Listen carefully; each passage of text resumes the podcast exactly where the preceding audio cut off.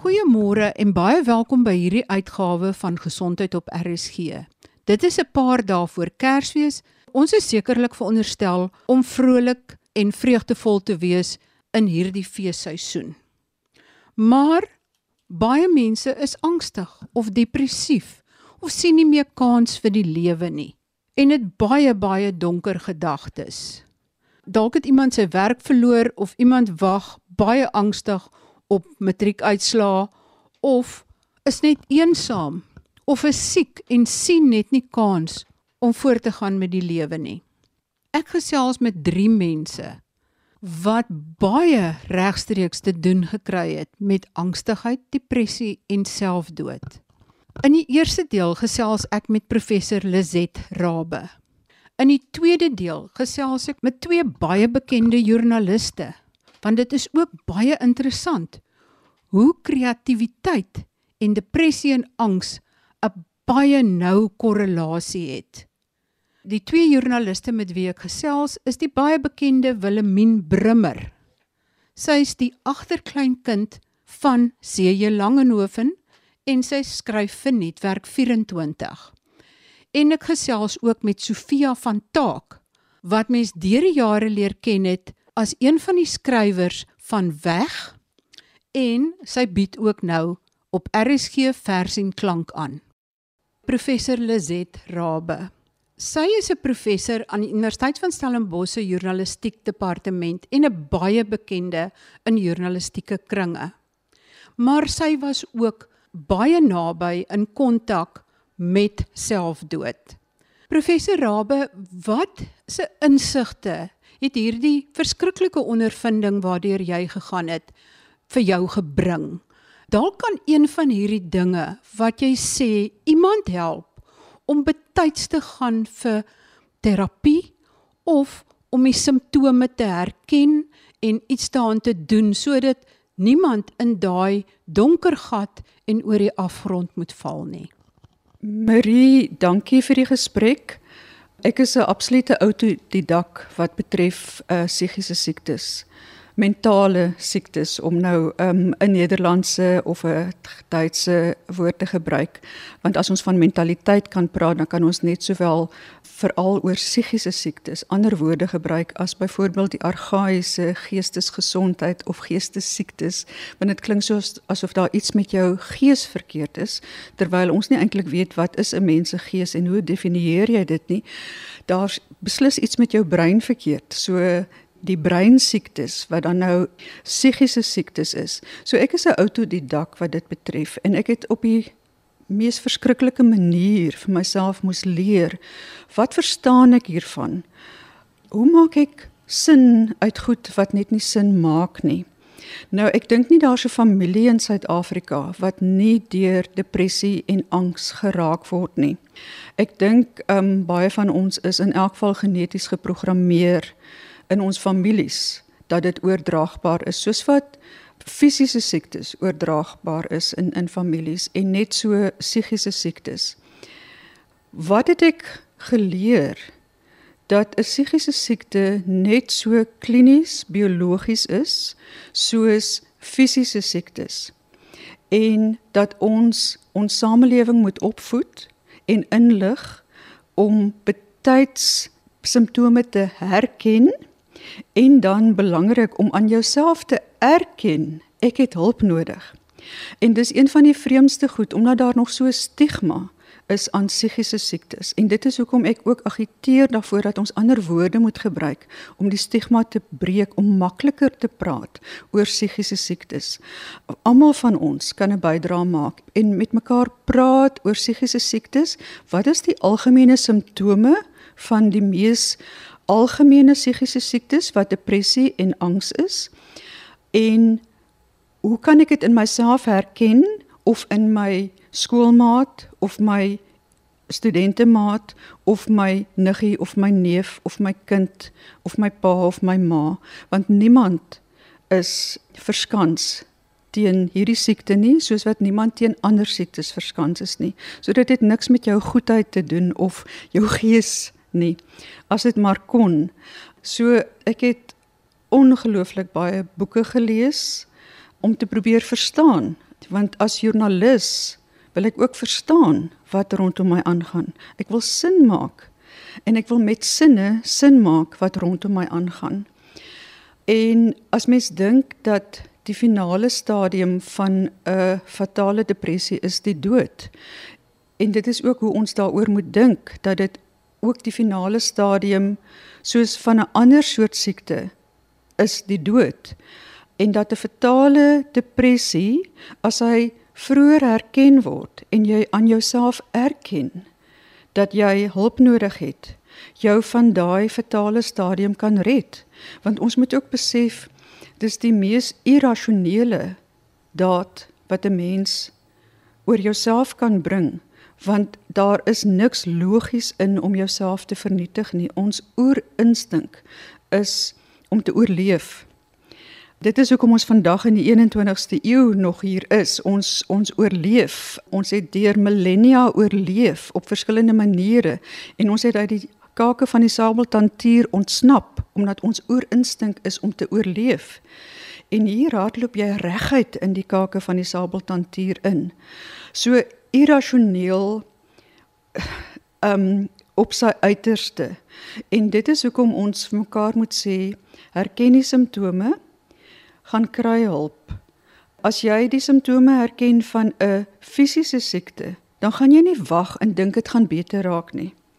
So as jy vir 2 weke lank die tipiese simptome van 'n psigiese siekte, van 'n depressie ervaar, gaan na jou huisdokter toe, want die persoon sal vir jou kan verwys na of 'n sielkundige of dalk selfs reeds 'n psigiater, met ander woorde 'n mediese dokter wat psigiatrie opleiding het wat vir jou medikasie kan voorskryf indien die huisdokter dit nie self wil of kan doen nie. Maar gaan kry hulp want daar is hulp soos enige ander siekte. En gaan kry dit betyds. En dan help jouself om jouself te help deur nie in daai spiraal af te gaan nie.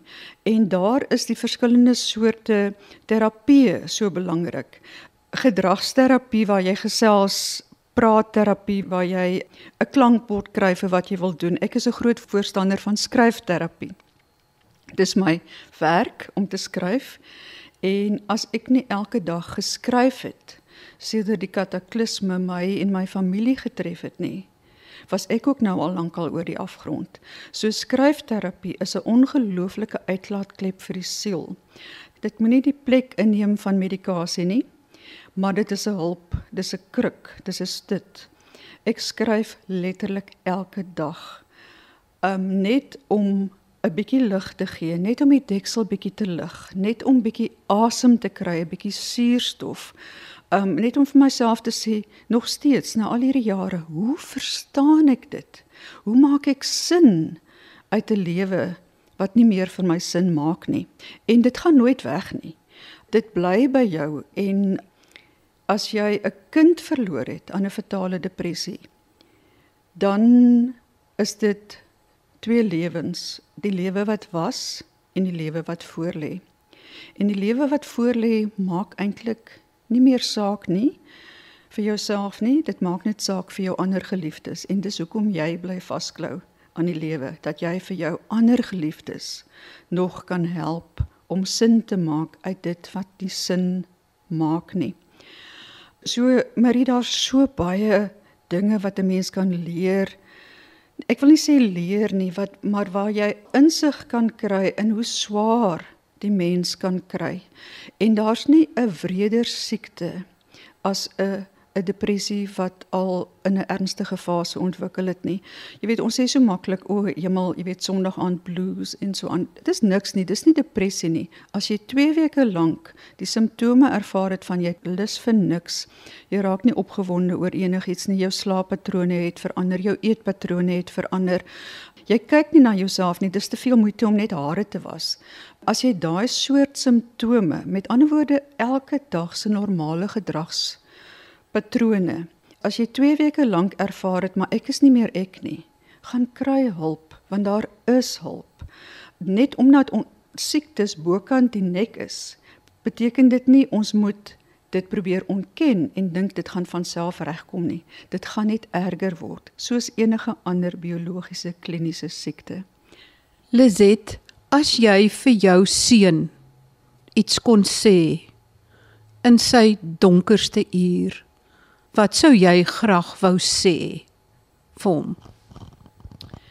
Marie, ek gaan dit so 'n bietjie verder van myself afneem want dit is te moeilik om daaroor te praat. Um 'n mens kan nooit oor die verlies en die verdriet van 'n kind kom nie, want dit is jou lewe. Dit is waarvoor jy bestaan. So vir iemand wie se depressie dreig om in 'n fatale fase in te beweeg, gaan kry hulp, maak 'n dringende afspraak, selfs met jou huisdokter, al is dit nou nie jou psigiater nie, omdat psigiaters wag 'n mens soms, maar gaan kry dadelik hulp. Herken die feit dat jy besig is om in daai daai donker gat af te spiraal. Want anders is daar niks wat vir jou gaan red nie en die lewe is die moeite werd om geleef te word. En as ek dink hoeveel van ons samelewing aan depressie ly en aan angsstoornisse ly en veral nou post-covid wat ons sosiale angs beleef soos nog nooit vantevore nie. Daai angsvlakke en depressie raak net meer in ons samelewing. So ons moet 'n deurbraak maak van hoe ons oor hierdie psigiese siektes praat sodat mense betyds hulp kan kry. En as ek dan nou dit kan waag om op heilige grond 'n tree te gee en te sê wat kan ek sê vir iemand wat besig is om in daai totale irrasionele spiraal in daai diep donker put in te gaan is kry jouself dat jy kan sien die son kom elke dag weer op en selfs as dit 'n bewolkte dag is moet jy weet Daar is 'n son agter die wolke. Daar's altyd lewe, daar's altyd lig. Jy moet net vir jouself die geleentheid gee om dit te kan sien en daarna te kan ruik. En dit is ook hoekom ek en my man en ander mense wat hulle kinders verloor het, die Itemba stigting gestig het. Want dit is wat ons boodskap is, is hou vas aan hoop. En dit is ook hoekom die kleur van die stigting en ons bewusmakingsstrukkie vir spesifiek depressie en angs blou is, hemelsblou vir hoop. Want dit is die kleur van optimisme van dat daar 'n toekoms is wat geleef kan word. En dit is ook die Temba stigting se een doel om bewusmaking te kweek, om openbare opvoeding op te hef sodat al ons gemeenskappe, ook ons susters en broers in townships wat nie die geleentheid het om eers na 'n psigiater toe te gaan nie, te kan besef dis 'n siekte soos enige ander siekte en ek moet kyk of ek kan hulp kry, mediese hulp iewers, want daar is hulp en daar is hoop. Baie dankie aan Lizet Rabbe besoek gerus RSG se webwerf vir skakels na Itemba se webwerf asook na die angs en depressie groep se webwerf sodat enige iemand wat hulp nodig het so gou as moontlik by die hulp kan uitkom. Die bekende joernaliste Willemien Brimmer van Netwerk 24 en Sofia van Taak van Weg en van RSG se vers en klank Hulle vertel wat vir hulle help en hulle gee ook raad aan hulle eie jonger self. Die eerste stem is die van Willemien Brimmer. Ek het net besluit ek ek moet iets doen om uit hierdie gat te kom en toe ek begin draf. Atletiek was die een sport op skool wat ek so min of meer kon doen want jy kon nie aan iemand anders vashardloop nie. En ek het maar stadig begin en ek sou nou glad nie sê ek is 'n topatleet nie, hoegenaamd nie. Maar ek is baie gedissiplineerd. So my man neem in die oggende van Matthias skool toe, ek kry hom in die middag. As jy 'n kind het, dan het jy nie die luukse van laat slaap nie. So ons is in die oggende 5:30 of 6 is ons wakker. En dan met die eerste lig dan gaan ek uit en ek gaan draf. Dikwels het ek nie die tyd om baie ver te gaan nie, so ek doen elke oggend van my lewe min of meer so 4 en dan oor naweke sal ek 'n bietjie verder gaan, op sy meeste 10. So ek ek kan relatief gemaklik 10 doen en ek kan dit taamlik vinnig doen, maar ek gaan nou geen rekords verbeter nie. Dit is vir my geweldig belangrik om om dit te doen vir my eie psigiese gesondheid. die eerste manier wat vir gewoonlik vir my help is om uit daai gedagtegang te kom om dit te onderbreek en die maklikste manier vir my is om uit my kop uit terug te kom in my lyf of dit nou beteken om met my hande iets te doen of 'n bietjie oefening te kry en weer eens wanneer mens baie depressief is niemand moet nou vir jou sê ag man jy moet net begin draf of gaan gym toe dit is die laaste ding waarvoor jy lus het maar gaan stap om die blok ek het letterlik begin om myself elke oggend uit die bed uit te sleep en eenmal om die blok waar ek woon te stap. Dit vat 15 minute. Dit is nie so erg nie. Jy kan dit regtig vaar doen, maar dit was vir my daai eerste klein oorwinningkie. Plaas van om nou as die wekker afgaan in my bed te lê en al daai gedagtes spoel so oor my en dit druk jou net so al hoe dieper in die matras en jy bly net lê. Ek sien die kans vir die dag nie. Staan ek dadelik op nog voordat die mal gedagtes kan begin. Knoop my tekkies se veters, gaan stap om die blok. En dis 'n klein dingetjie, maar dit maak 'n massiewe verskil want dadelik is jy aan die gang en jy sien kans vir die volgende dingetjie en die volgende dingetjie en die volgende dingetjie, ongeag hoe hoe klein dit eintlik is. Jy moet jou eie cheerleader wees, wil ek amper sê, deur goeders te doen en jouself aan te spoor om goeders te doen want daar's daai gedagtes waar ons vasval. Dit is soos 'n um, ehm, soos dryfsand. Dit gaan jou net heeltemal laat wegsink. Dis interessant want ek 'n vriend van my is 'n psigiater en ek was nooit bewus daarvan voordat ek nou self begin draf het dat draf in sommige gevalle net so effektief eintlik is vir ligte tot matige depressie as so enige aerobiese oefening eintlik as as antidepressante nie. Ek sou dit nie aanbeveel as jy ernstige depressie het nie om net te gaan draf nie. Ek dink nie dit gaan genoeg wees nie. Ek dink jy moet 'n professionele persoon gaan spreek. En die ander ding wat vir my baie belangrik is en dis interessant, ek luister nogal na die podcast van Andrew Huberman, maar hy is by Stanford, hy's 'n neurobioloog en 'n oftalmoloog en hy's 'n baie slim man.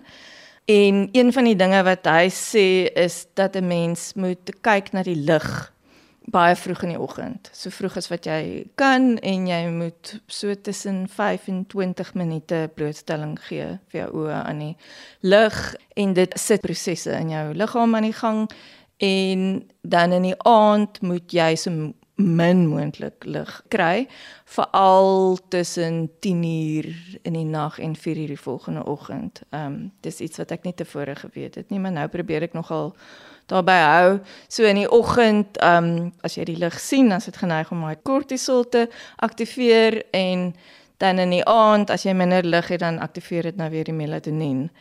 Ja, ek dink dis veral om net soort van myself elke oggend te dwing om op te staan en uit te kom en te draf al is ek nie lus daarvoor nie om die lig te sien om daai bekende roete vir my te sien om die natuur te kan sien, om die see te kan sien oor naweke wanneer ek gaan draf langs die promenade om in die berg te kom saam met die honde. Dis asof dit vir my weer nuwe moontlikhede oopmaak.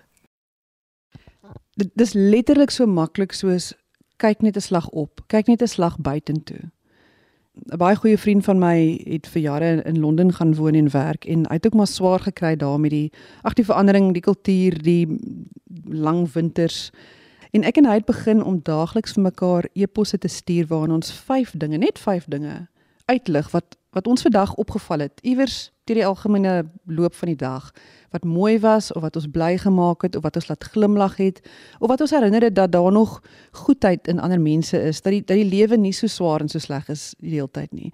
En dit was bitter eenvoudige goed. Hy sê vir my sien maar skryf iemand het vir hom op die trein geglimlag. Um, hy het 'n interessante gesprek met 'n vreemde tannie op die bus gehad. Daar was 'n stukkie blou lig toe hy vanoggend opstaan, wat ook al die geval was. En my kant in Suid-Afrika sou ek sê die blomme in ons woonstelblok se tuin het ewe skielik begin blom of ek het in die park gesit vir 'n rukkie en 'n wildvreemde hond het sy kop op my knie kom sit.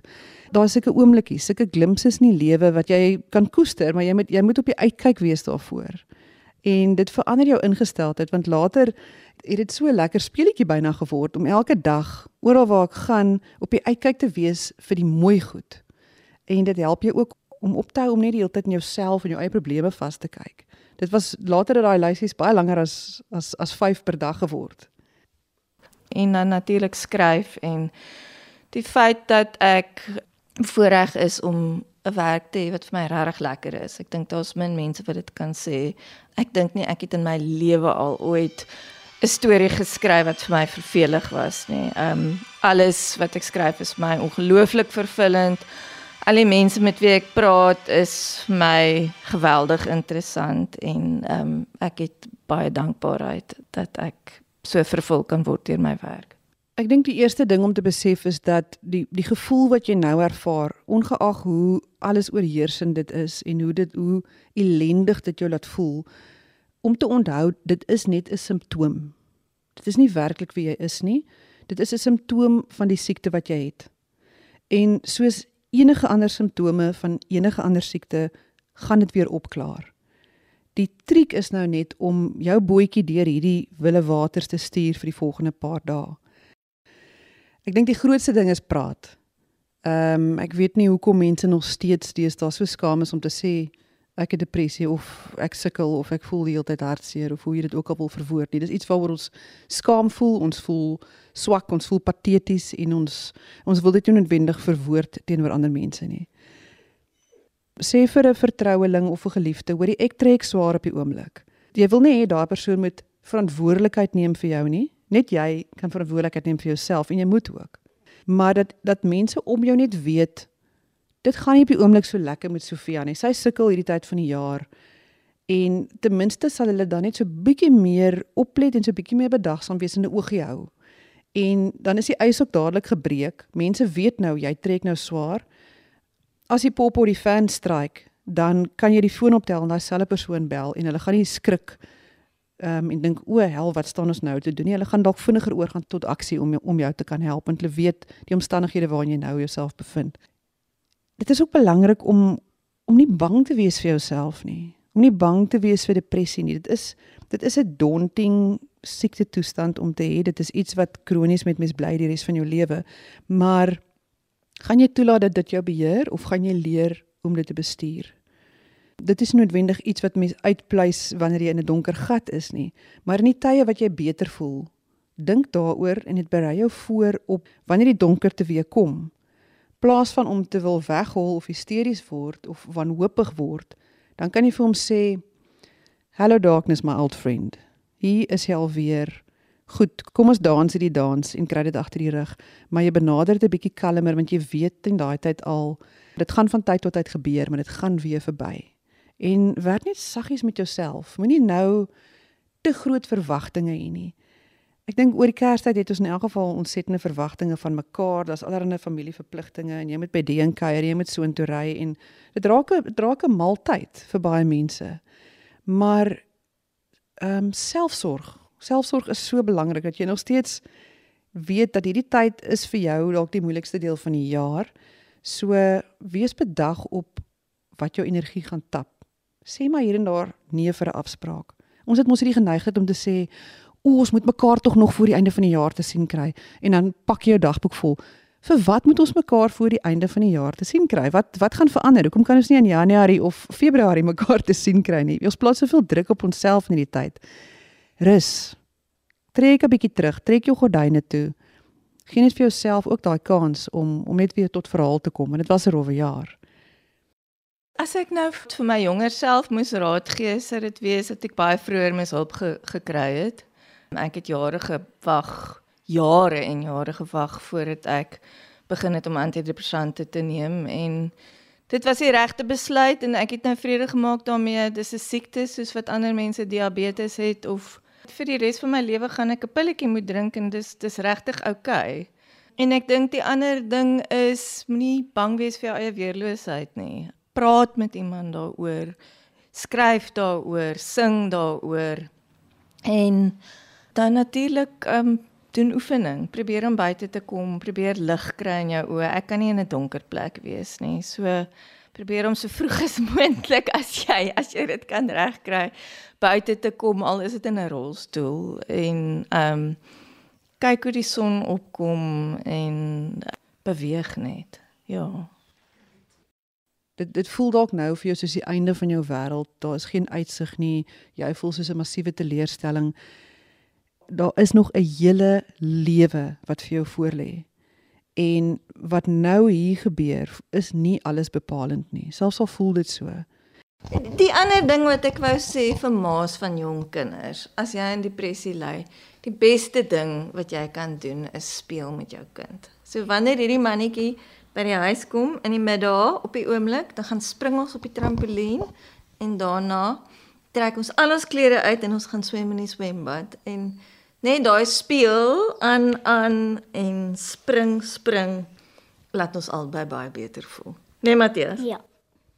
Wanneer jy in daai gat is soos wat jy dit nou stel Marie, dit dit is amper soos 'n vortex wat jy net al hoe dieper afsuig. Jy jy dink jouself dieper in daai gat en jy raak al hoe meer hartseer, jy sluit jouself al hoe meer af van mense. So jy wil nie noodwendig met enigiemand praat nie. Jy wil net jou kop toe trek vir dae en jou gordyne toe trek. Maar wanneer jy begin bang raak vir jou eie gedagtes en jy sal weet wanneer dit is. As jy begin agterkom die goed wat ek nou dink is regtig waar nie rasioneel nie. Jy begin tonnelvisie kry, jy raak obsessief oor die gedagte dat die dood die enigste uitweg is uit jou situasie. Dan dan moet jy praat, dan moet jy iewers gaan opsoek. As jy in daai stadium kontak het met 'n sielkundige, bel jou sielkundige. As jy nie 'n sielkundige het nie, bel 'n vriend of 'n vriendin. As jy nie die vermoedigheid het om iemand bekend te bel nie, bel jou huisdokter. Maar maak dit duidelik dat jy op die oomblik 'n krisis ervaar en dat iemand moet ingryp want jy jy kan nie op die oomblik jou eie aksies vertrou nie. Baie dankie aan Willemien Brimmer en Sofia van Taak vir hierdie gesprek wat hulle met my gevoer het. Luister volgende week na die tweede deel in die kort reeks oor angstigheid, depressie en selfdood, maar met die hooftema die lig wat mens weer kan inlaat. As jy wil hoor presies hoe Sofia van Taak en Willemien Brimmer deur angstigheid en depressie geraak word en hoe hulle daarmee saamleef, dan mag julle nie volgende week se episode misloop nie. Ek wens alle Christen luisteraars van RSG 'n geseënde Kersfees toe. Baie groete van my, Marie Hudson.